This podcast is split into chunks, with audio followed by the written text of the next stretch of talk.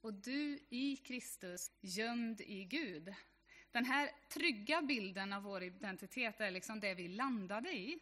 Och eh, i all sin enkelhet så, så var tanken med den här lilla bilden att illustrera en viktig sanning. Och för det första så är det att du och jag är nya skapelser.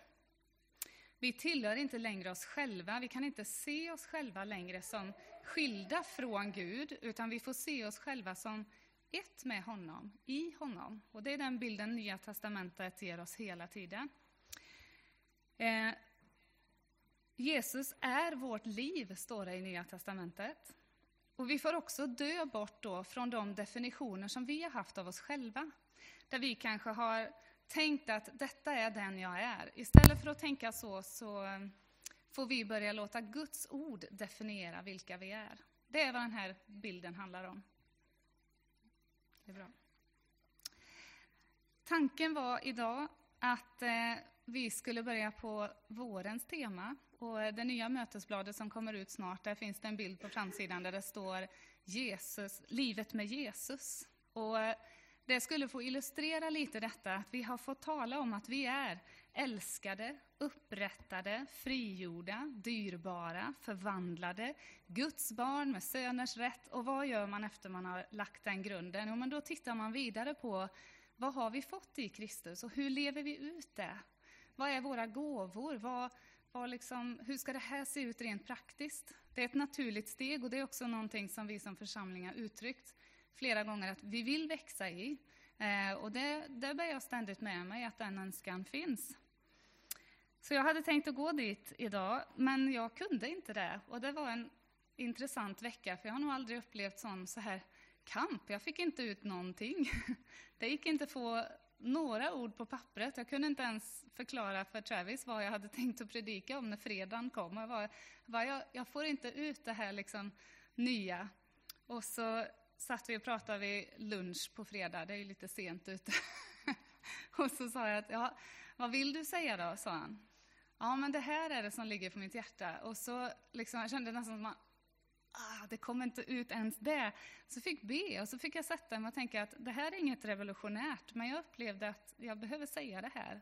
Och så får ni pröva det om det här är någonting som också vi som församling behöver ta till oss och tänka på. Så så blir det idag. Vi går inte vidare än, helt och hållet. Det finns en risk, tror jag, att all kunskap som vi får i församlingen, all undervisning och Guds ord, det finns en risk att det bara blir ny kunskap som vi liksom checkar av någonstans. Att ja, men nu kan jag det här, eh, då skulle jag vilja lära mig om det här. Och så vill vi liksom bygga på kunskapsbanken. Och eh, det visar ju att vi är belästa och vi får en känsla av att jag har vuxit i min tro. Det har vi säkerligen. Men just kunskap om vår identitet, den tror jag kan bli en sån där språngbräda. Vi tänker att ja, men nu vet vi att vi är Guds barn. Det lärde vi oss när vi var tio. Nu går vi vidare. Och jag kan säga att nu är jag över 40 och har upptäckt att det här blir jag aldrig färdig med. Jag tror att det är det som jag allra mest behöver arbeta på varje vecka, vem jag är i Kristus. Därför att tappar jag det, så blir min grund jag står på väldigt skakig. Eh, jag ska förklara det vidare lite sen, men, men det är väldigt lätt att en sån här kunskap då blir någonting som vi säger, nu har vi bearbetat identitet, nu går vi vidare till det som vi tycker är riktigt viktigt, att vi får göra någonting för Guds rike. Och det där görandet. Jag tror vi brinner för det som människor, jag tror det hör till vår kultur, jag tror det hör till mänskligheten. Att när vi gör någonting så är det något vi kan mäta. Vi sätter värde på prestationer. Vi, vi liksom, alltså när vi ser något vi gör, vi har kunskap, vi har utbildning, vi har det ena och det andra, då kan vi sätta ett värde på det. Och vi kan också jämföra med varann och vi kan liksom få en känsla, hur, hur ligger jag till jämfört med Bjarne här? Ja, jag behöver lära mig lite mer om snickeri innan vi kan mätas på den punkten. Men vi, liksom, vi på något sätt sätter vårt eget värde mycket i vad vi kan. Vi lever liksom på det viset i vårt samhälle. Och jag tror vi gör det sedan vi föds. Jag vet hur lätt är det inte när man har småbarn, så är det så här, ja men Min son han lärde sig gå när han var så här liten. Hur är det med din pojke? Inte på det viset kanske, men vi jämför våra barn och vi, vi mäter och ser liksom, ja, men nu kan han läsa. Ja, nu kommer betygen, nu kommer yrkesutbildningen och så blir det liksom hur vi värderar en människa är så mycket till det yttre, precis som Festis gjorde klart här i en väldigt enkel bild. Det lever med oss liksom hela livet, att det yttre definierar. Är, är, kan vi lyssna på Sara Spencer? Ja, men vi, och det är klart vi ska veta lite om vad vi har för meriter och stå och predika Guds ord kanske, men ändå. Tänk om Gud hade viskat till dig så här, du, idag kommer du möta någon som heter Sara Spencer, hon ska dela ett ord från Bibeln. Ja, men först måste jag ju kolla så hon har utbildning, måste ju veta var hon kommer ifrån och tänk om hon klär sig som en luffare. Ska jag lyssna då, Gud? Alltså, det liksom är medfött lite grann, en, en sorts misstänksamhet om inte vi kan riktigt få grepp om en persons meriter och värde. Jag tror att vi mäter och analyserar, jämför och värderar oss själva och andra människor ständigt. Ni får pröva den tanken och jag vet inte om ni känner igen den i er direkt och säger att ja, det kan nog stämma att vi gör det. Men jag har tänkt mycket på det här. Jag, tror, jag mötte det särskilt när jag hade precis flyttat hit och innan jag började jobba här så var det lite detta att komma ut och predika. Och så hade jag ju inte svenska meriter, för jag har ju inte gått i skola i Sverige. Och jag märkte vad jobbigt det var för människor och även för mig, när man inte direkt kunde sätta den där tydliga etiketten att aha, men Sara har gått på den och den skolan, därför kan hon komma här och dela ett ord. Och det var jobbigt för mig att inte ha kunnat förklara vem jag var baserat på meriter. Ganska intressant så här upplevelse som jag aldrig givit någon tanke förut. Men så har jag sett det upprepat om och om igen, hur vi liksom, ja, det är det yttre som först och främst läggs märke till. Och då är frågan så här, när får vi bara stanna upp och vara? I vilket sammanhang kommer du någonsin att bara få sätta dig och vara älskad, accepterad och bara innesluten i en gemenskap utan någon tanke på meriter eller kunskap eller prestationer? Möjligtvis tror jag att de riktigt små barnen gör vi ju så med. Det är liksom, vi bara älskar dem för att det här är ett litet barn. Och bara det att det är mitt barn gör att jag älskar. Ja, så var det för mig i alla fall. Man blir mamma och det känner ni igen och vi kan förstå den bilden. Men så snart de börjar kunna göra saker och ting så är man där och mäter lite för man vill att barnen ska klara sig bra. Det är inget illa ment ens en gång utan det är bara ett sätt vi vill se, hur går det för min son? Hur jämför han sig med barnen i skolan? Hur går det i sociala sammanhang? Och så, och så vill man veta. Men det är det här vi möter i Kristus. När vi kommer till Jesus så beror det inte på någonting som du har gjort. Det beror inte på någonting du kan. Det beror inte på någonting du kommer att göra. Gud älskar dig för att du är hans. Han har skapat dig. Han har format dig och han älskar dig oavsett vad du gör eller vad du kan eller någonting. Och det är bara på grund av hans meriter som jag får komma in i den här gemenskapen. På grund av vem Jesus är, så är jag inbjuden i den här relationen där jag får bli fylld av hans ande. Där han tar sin boning i mig och jag får vara innesluten i honom, gömd i Gud och leva mitt liv, inte ensam längre, utan med Jesus. Och jag skulle säga som, jag citerar inte Saltaren, men ni känner igen det, står sådär, en sån kunskap är nästan alltför ofattbar. Alltför underbar att ta till sig. Det ligger någonting i det. För när jag stannar upp och tänker, fattar jag att jag är så älskad enbart för att jag är skapad av Gud och jag är hans? Eller tänker jag att jag behöver förtjäna den där kärleken?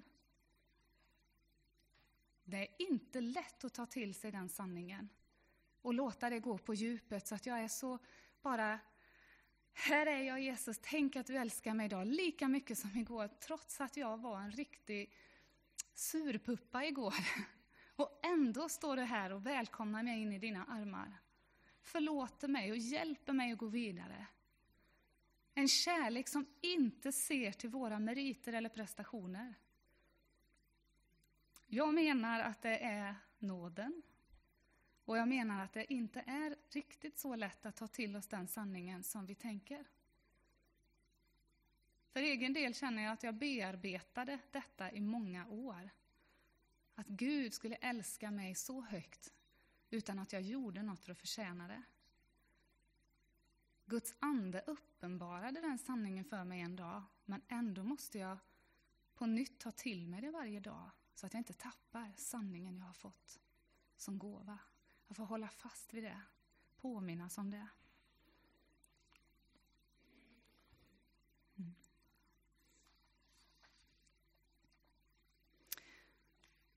Så man kan säga så här, jag kände att vi skulle dröja kvar lite grann idag bara vid den tanken. Att låt det här ta tid i ditt liv. Stanna upp, förbli nära Jesus i lovsången, när du är i din ensamhet, när du läser Guds ord. Bara, Jesus, hjälp mig att få grepp om din ofattbara kärlek. Uppenbara för mig hur mycket du älskar mig så att jag kan förstå och se den sanningen. Att det får bli levandegjort i mig så att jag inte tvekar. Vi ser hur det ser ut när vi ser en trygg relation mellan till exempel en far och en son. Vi har haft den bilden förut. Jag minns när våra barn var ännu mindre och Joshua var, hade för vana att liksom kasta sig från soffor eller sängar eller höga höjder och pappa fångar. Som du var. Ibland kände man att det var verkligen bara nåd att man fångade, för man är inte alltid beredd på att de ska kasta sig från allt de står på. Men ni vet hur det kan vara. Men där det finns en trygg relation, där kan vi känna igen, det är det här Fadern har tänkt. Det är det här han har tänkt, att vi ska vara så trygga med hans kärlek, att vi bara kastar oss in i den utan tanke på att vi skulle på något sätt arbeta för att få den. Det är nåd, enbart nåd. Kunskap om sanningen, den blir bara till nytta om vi tror den.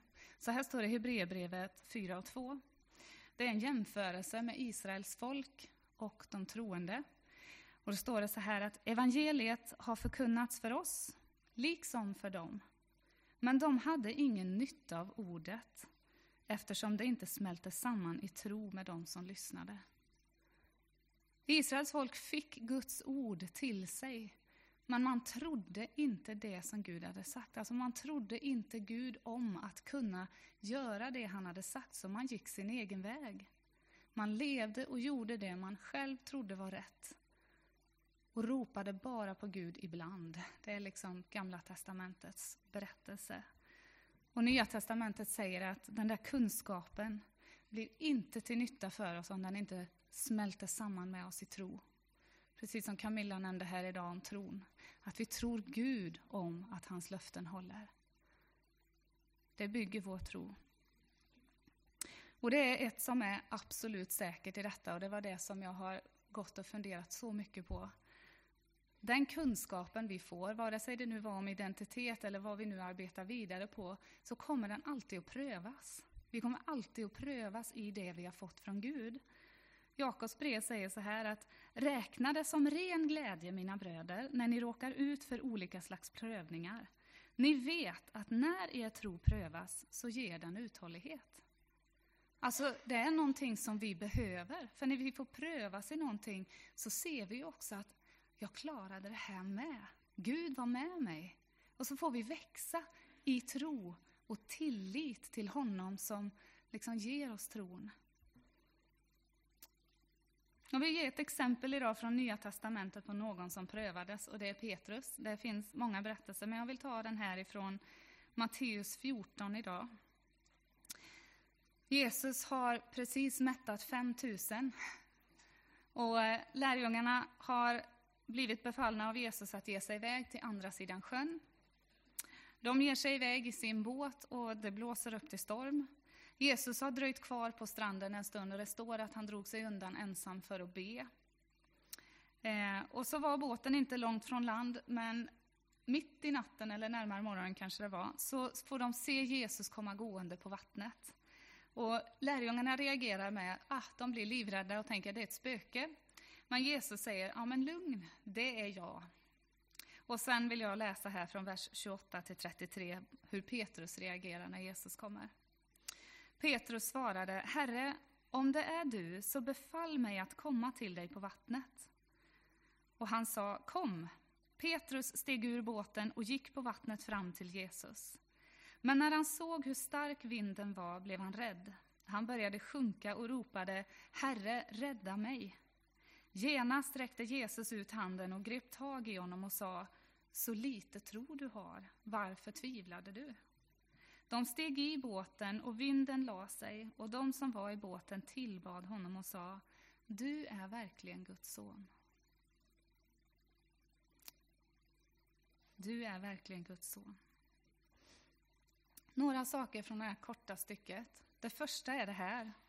Petrus fick samma kallelse som du och jag har fått. Det är ingen skillnad på den första kallelsen. I Matteus 4 så står det att Jesus möter Petrus och säger Följ mig, så ska jag göra dig till människofiskare. Och där ligger ett fokus på, Jesus säger Följ mig, och jag ska göra dig till människofiskare. Jesus sätter hela fokuset på sig själv, kallelsen till Guds son. Kallelsen tillbaka till relationen med Gud. Ett återupprättande av det som var från början. Det som Gud hade tänkt när skapelsen blev till. Människan var skapad att leva i relation med Herren och här kommer Jesus, Guds son, och kallar Petrus och säger Följ mig. Och jag ska göra dig, jag ska förvandla dig, jag ska verka genom dig. Följ mig och låt mig förvandla dig. Det är ungefär liksom kallelsen till Petrus. Och det är samma kallelse du och jag får. Vi kallas till Jesus. Han kallar oss in i gemenskapen. Det är det allra första. Och det är så basic att vi aldrig får glömma bort det. För det är så lätt att vi tänker i en relation att vi ska gå från bara vara i den relationen till prestationen.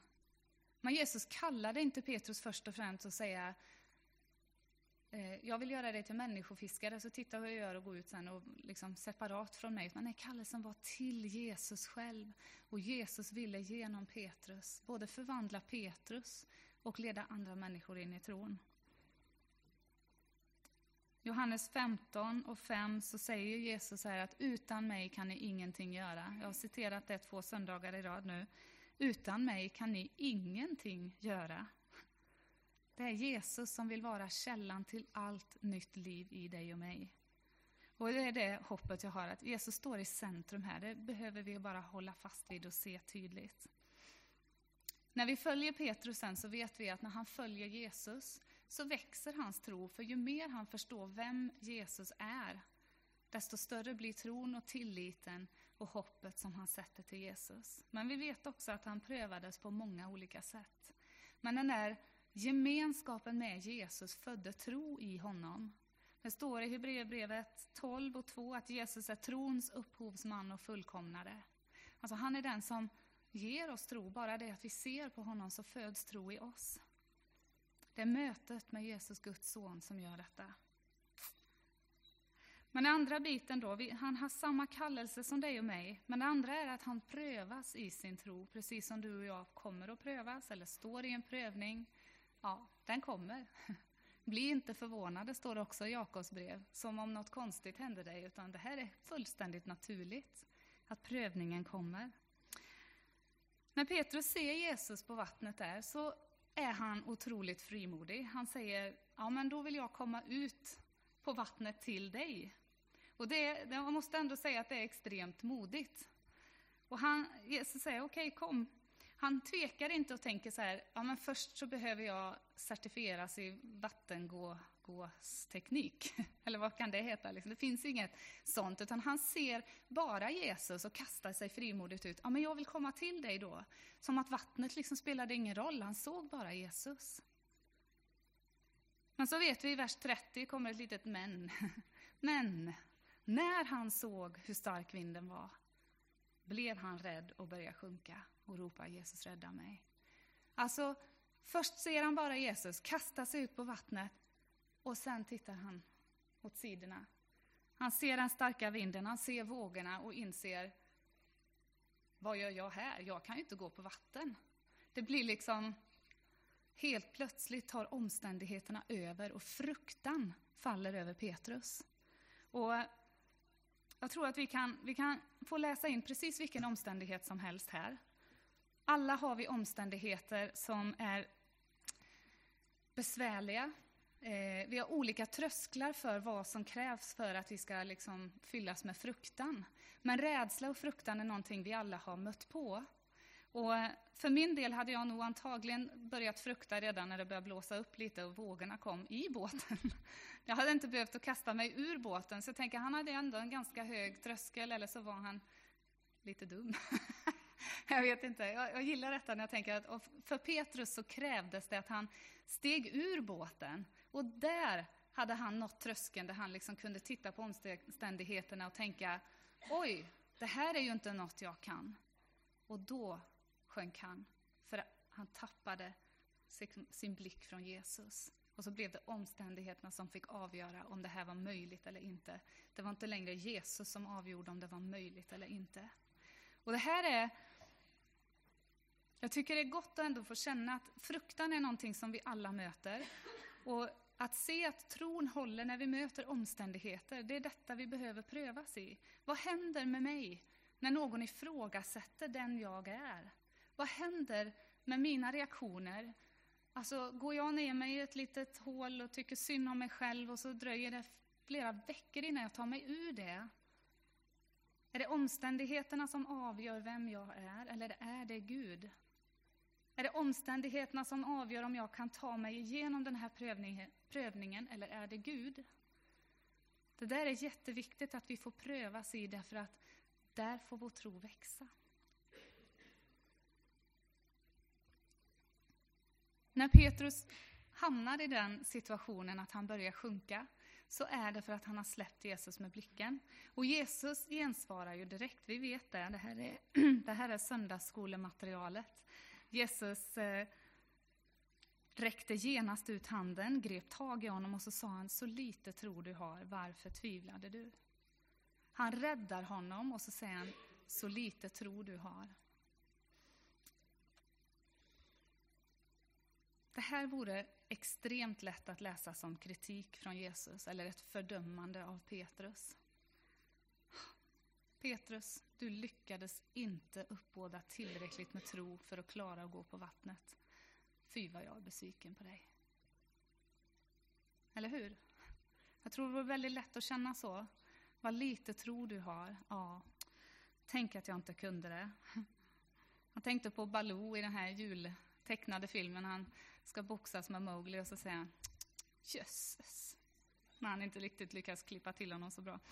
Ja, det är liksom, vi läser in fördömelse och kritik i detta och tänker att ja, Petrus lyckades verkligen inte uppbåda tillräckligt med tro. Men jag tror att läser vi det så, så får vi en snedvriden tanke av vad tro verkligen är. För då skulle det vara som att säga att om jag bara hade trott mer, då hade jag kunnat gå längre på vattnet. Och så läggs prestationen på Petrus. Eller hur? Om han bara hade trott mer så hade han kunnat gå längre. Som om han hade den kraften i sig själv. Och för vår egen del kanske tänka, om jag bara hade trott mer så hade det blivit ett helande här. Eller om jag bara hade trott mer så hade jag fått det bönesvaret jag hade bett om. Eller om jag bara hade trott mer, då hade jag fått ett ord att ge till den här personen när jag bad för den. Och så går vi in i självfördömelse. Tänk att jag inte kunde tro mer. Vilken... Och så kommer besvikelsen. Och så tappas den här identiteten som Gud vill leda oss in i och visa att detta är den du är. Min älskade. Jag förvandlar dig. Jag upprättar dig. Jag helar dig. Jag hjälper dig och jag tillåter prövningarna komma så du får växa. Poängen tror jag är så här. Paulus, Petrus menar jag, Petrus tro var liten därför att han så snabbt vände bort blicken från Jesus. Alltså hans tro var liten därför att omständigheterna blev större än vad Jesus var i hans ögon i det ögonblicket. Jesus var inte stor nog. Jesus var inte Guds son som kan göra allt. Det var Jesus, deras mästare, men han hade inte helt sett och förstått vem han var ännu. Och det gör skillnad. Har jag lärt känna Jesus? Allting pekar på honom hela tiden. Vill jag växa i förståelse av vem jag är, då ska jag titta på Jesus. Och när jag lär känna honom så resulterar det i att han möter mig, förvandlar mig, han ger mig det jag behöver. Vilken underbar Gud vi har. Och jag tror att Petrus hade gått längre, inte om han hade haft mer tro, utan om, om Jesus hade varit större i hans ögon, för då hade inte vågorna spelat någon roll, för Jesus hade varit större än vågorna. Jag tror att det finns en tidlös sanning i detta, och det är det här. Vår tro är bara stor om Jesus är stor. Jag kan bara tro Gud om det som jag har förstått om Gud redan innan. Guds ord hjälper mig att se vem han är. Jag håller på och läser igenom Gamla Testamentet nu. Och tog mig igenom Domarboken. Det är, nog, det är en riktigt tung, tragisk bok måste jag säga. Den var inte upplyftande läsning. Men Gud är densamme. Åh, vilket tålamod, vilken nåd, vilket hjärta han har. Så fort någon ropar på honom så är han där för han håller sina löften. Inte för att israeliterna hade gjort något gott, utan för att Gud är trofast. Jag har lovat, så jag kommer när ni ropar. När ni vänder er till mig så svarar jag, för det har jag sagt. Gud säger inte, ja, men ni har ju betett er så illa, så jag, nu tar jag tillbaka mitt ord. Det här är ju poängen med att lära känna Gud i hans ord. Vi ser trofastheten, vi ser hur konsekvent Gud är, hur han aldrig förändras, hur han ständigt älskar. Han är rättvis, han är god, han är tålmodig, han är mild, han är kärleksfull. Han är allting som vi behöver. Och vi kan spendera hela livet att söka och lära känna honom. Och i takt med att jag ser vem Gud är, så växer min tro. Därför att det är väl självklart att jag kan gå på vattnet när Jesus säger kom. Det blir liksom inget konstigt längre.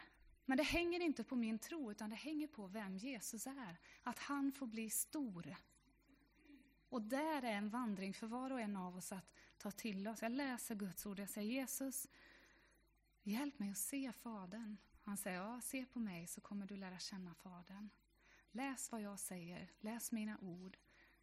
Fundera över dem, begrunda dem, ta till dig det och jag ska låta min heliga Ande påminna dig om det jag har sagt och jag ska visa dig vem jag är. Jag ska föra dig in i den här djupa gemenskapen med mig där du inte tvekar. När du prövas så är prövningen Tror du på mina löften? Är mina löften stora nog? Har du tagit till dig dem? När Gud får växa, när Jesus får växa, så växer vår tro. Man skulle kunna tänkt att den här båtincidenten, eller vattenincidenten, slutar som ett fiasko egentligen då, om vi hade läst det som att, ja, stackars Petrus, han hade ju inte tillräckligt med tro. Men det står inte så i texten, utan istället så slutar det här fantastiskt positivt. Jesus och Petrus kliver in i båten och så står det att de tillbad honom. Och så säger de tillsammans, du är verkligen Guds son. Jesus växte i lärjungarnas ögon genom den här prövningen. Och det var en prövning för alla lärjungarna, för stormen var där. De var ensamma. De ser Jesus, lärjungarna är rädda i båten, Petrus sjunker i vattnet. Men alla har sett Jesus gå på vattnet. Och alla har de ropat på Jesus, tror jag. Och så kommer Jesus in i båten och han har, han har räddat Petrus. Och han har stillat stormen sen och så, du är verkligen Guds son. Och så väcks tron till liv ett steg till. Och Jesus visar sig vara tillräcklig i varje situation. Det var ju det de här lärjungarna fick gå med Jesus för att lära sig. Att Jesus är tillräcklig i varje situation. Lita på honom. Följ honom och han ska verka genom er. Så det finns två orsaker till att jag tar upp det här idag. Och de är enkla, men jag, jag upplevde att jag ville understryka detta en gång till. Tappa inte kallelsen. Den är ständigt densamma. Den blir aldrig större än så och den blir inte mindre än så. Vi pratade om det i början av året också. Alltså den är densamma, till Jesus. Tro på Jesus, följ honom så att han får förvandla dig. Det gör ju han. Han säger att när vi, när vi kommer i tro så föds vi på nytt, inte genom vår egen vilja utan genom Guds vilja. Så blir vi nya skapelser i Kristus. Han får ta över och bli Herre. och visa oss vem vi är. Han får utrusta oss och ge oss det vi behöver. Och så står det i Efesierbrevet att han har förberett gärningar för oss att gå i. Allt det där får vi liksom lära känna när vi kommer till Jesus. Jag älskar att vi har mycket lovsång i gudstjänsten. Och det är för att det är ju den delen när vi alla deltar allra mest. Då är det hela församlingen. Ulle, de leder lovsången här idag, men tillsammans får vi dra nära, upphöja Jesu namn. Och fokuset ligger på honom, inte vilka sånger det är, utan vi får liksom Jesus, nu är det du som står i centrum. Väx i våra ögon. Bli förhärligad på den här platsen. Och för den som är trött idag och inte riktigt orkar höja sin röst i lovsång, låt vår lovsång ljuda och bära vår medmänniska, den del i kroppen som lider idag. Och så får vi tillsammans liksom upphöja Jesu namn och be att han får väcka den här tron och låta den växa. Kallelsen är till Jesus. Och det andra var detta, att när vi rör oss mot att prata mer om vad vi har fått i Kristus, tala om gåvorna, kanske hitta vägar att öva på att verka i våra gåvor mer än vi känner att vi gör idag. Så kan det vara så här, du kommer att prövas när du tar steg i tro. Det, det, det får vi från Guds ord. Och då kan det bli ett dubbelt fall. Och vad menar jag med det? Jo, det ena är ju att när jag övar mig i en gåva, någonting som jag aldrig har gjort förut. Jag tog upp det här exemplet på att be för någon och be Gud, jag skulle vilja ha ett ord till den här personen.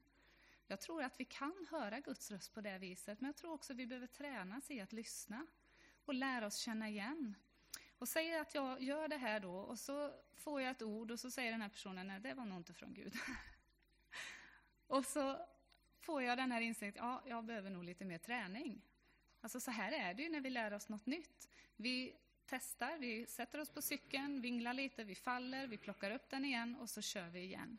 Det är fullständigt naturligt, så får det också vara i Guds rike. Vi kan få tränas och växa in i det som han vill göra genom oss. Jag vet att det finns exempel där Gud liksom helt plötsligt så har vi en ny gåva och han gör det mirakulösa. Det kan han också göra. Men jag läste ett citat en gång där att det mirakulösa är ju per definition ovanligt, annars vore det ju inte ett mirakel. Så det är gott att veta att vi får både tränas och ibland överraskas. Men det där är ju inget konstigt. Men det, det andra sättet vi kan falla på när vi prövas, det är det här. Om jag fortfarande kämpar med min identitet, vem är jag? Om jag fortfarande mäter mig själv jämt mot andra, jämför, känner efter, älskar du mig idag Gud? Om inte jag är trygg i den här bilden, då kan vi lätt hamna i självfördömelse när det inte riktigt gick som planerat. Om Petrus hade varit otrygg i sin liksom, identitet där och då, så tror jag att han hade bara, ja fy vilket, att jag inte kunde, tänk att jag hade så lite tro det är bäst, jag, jag åker hem igen, jag kan nog inte vara med och följa Jesus, jag har ju ingenting att komma med. Och vad pinsamt att jag sjönk och alla de andra hade vett nog att stanna kvar i båten. Och så trycks vi ner. Det är svårare att återhämta sig från det. Och jag tror också att det är något som fienden gärna slår på. Den du är, för kan han få dig att tveka på att du är du älskad av Gud, du som inte ens kan bla bla bla, vad det nu är. Fördömelsen är inte det sättet som Gud talar till oss på. Han är den som kommer med frihet, han är den som kommer med upprättelse. Han är den som kommer för att lyfta oss, älska oss och visa oss vem vi är i honom. Det är inte baserat på den egna meriten, men han vill föra oss in i den gemenskapen så att vi är fria. Det står i Galaterbrevet 5 och 1 att det är till frihet han har kallat oss. Men det där dubbla fallet, om jag bara checkar av kunskapen, ja, jag är Guds barn, check. Men jag har inte stannat upp och sagt, Herre visa mig, finns det något område i mitt liv där den här kunskapen vacklar om den prövas? Visa det för mig. Herre, låt mig begrunda ditt ord, uppenbara det för mig så att jag får vara så trygg i att jag tillhör dig, att jag är älskad av dig. För då blir det väldigt svårt. En person som är trygg i sin identitet i Kristus, om den personen faller så säger han antagligen så här, hoppsan, så kan det gå, nu kör vi igen Jesus. Det blir inte en så stor grej. Men när vi slås ner och hamnar i självfördömelse så är det ganska svårt att ta sig upp därför att då stängs liksom alla kanaler av och det är svårare att höra Jesus, vad har du sagt om mig? Allt jag hör är vad jag själv säger om mig eller vad fienden vill att jag ska tänka om mig.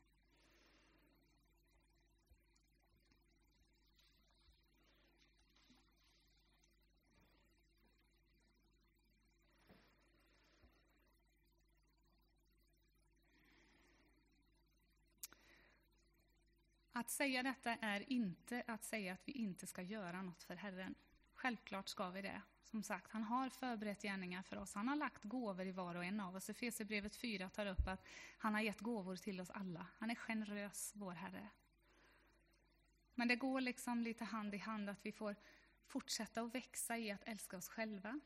Fortsätta att växa i att tjäna och älska andra. Och fortsätta att växa i att älska Herren först. Och jag tror det där kommer allra först, för att då faller de andra bitarna på plats. När vi kan älska Gud och han får växa i våra ögon och han visar oss att du kan även älska dig själv för jag har förlåtit dig, jag har förvandlat dig, du är min. Då blir det också inte prestationer som pushar mig ut i att göra något för Gud. Jag gör det inte för att jag tror att gärningarna ska få mig att bli mer accepterad av Herren. Utan jag gör det därför att jag älskar honom och jag kan inte annat än att tjäna honom, tjäna andra och tacka honom för att han har skapat mig till den jag är. Där önskar jag att vi får dröja kvar lite idag. Och jag vet inte om det här talar till någon av er eller om jag bara behövde få predika det här. Jag, jag lämnar ut det så här. Jag, det här har legat på mitt hjärta. Jag tror att vi är ett väldigt prestationsbaserat samhälle. Vi tittar på meriter och kunskaper ibland mer än tron. Och Jesus tittar på tron och han säger Se på mig. Det är där tron växer. Och det är där det blir fullständigt möjligt att till och med gå på vattnet. Vem vet vad Gud kan göra genom dig och mig när vårt fulla fokus till 100% är på honom? Att han blir upphöjd. Det andra bara får falla på plats. Självklart vill jag tjäna dig, Herre. Och självklart utrustar du mig för det har du sagt. Den kallelsen vill jag inte att vi tappar. Och jag, jag kände bara att, eh, ja, i vår kultur och i vårt land, i vår tid, så är det mycket kring prestationer, jämförelse och värderingar till det yttre. Så ska vi inte se på oss själva, står det om det är första eller andra Korinthierbrevet. Utan vi ska se till det inre, till hjärtat, precis som Gud gör. Vi ber tillsammans. Herre, jag tackar dig att du är nådefull och god. Jag tackar dig att du har kallat oss in i gemenskapen med dig. Tack att du har kallat oss och du har skapat oss, du har format oss. Du älskar oss så högt så att vi har svårt att ta till oss det, Jesus. Det krävs ett nytt sinnelag. Och det står i ditt ord att vi får låta dig förvandla det sinnet så att vi rätt får förstå den här sanningen. Jag ber helige Ande att du gör ditt verk i var och en av oss. Så att våra sinnen får tänka dina tankar, att våra hjärtan får, får vara liksom i samklang med ditt hjärta. Att det där ropet, Abba fader, som bekänner tillsammans med din Ande att vi tillhör dig, ska ljuda högre än alla andra röster i våra liv. Att det är dig vi ser när prövningarna kommer. Och hur svåra de än är så är du större. Väx i våra ögon idag, Herre. Jag ber heliga Ande, visa oss om det är några områden där vi behöver lägga det vid ditt kors och säga, det här stör mig. Det här drar min uppmärksamhet bort från dig, Jesus. I så fall så ber jag att, att du uppenbarar det för oss och vi får komma, tända ljusen eller skriva en bön. Eh, överlämna det till dig, Herre. Tack att du har förvandlat oss. Tack att du har kallat oss. Tack att vi tillhör dig. Låt oss, Herre, få växa i tro och tillit på dig, Jesus. Himmelens och jordens skapare. Trons upphovsman och fullkomnare. Den som har vunnit seger över alla makter och herravälden. Jesus, jag tackar dig att vi får tillhöra dig. Halleluja. Vi gör så att vi går in i en stund av lovsång och tillbedjan här och så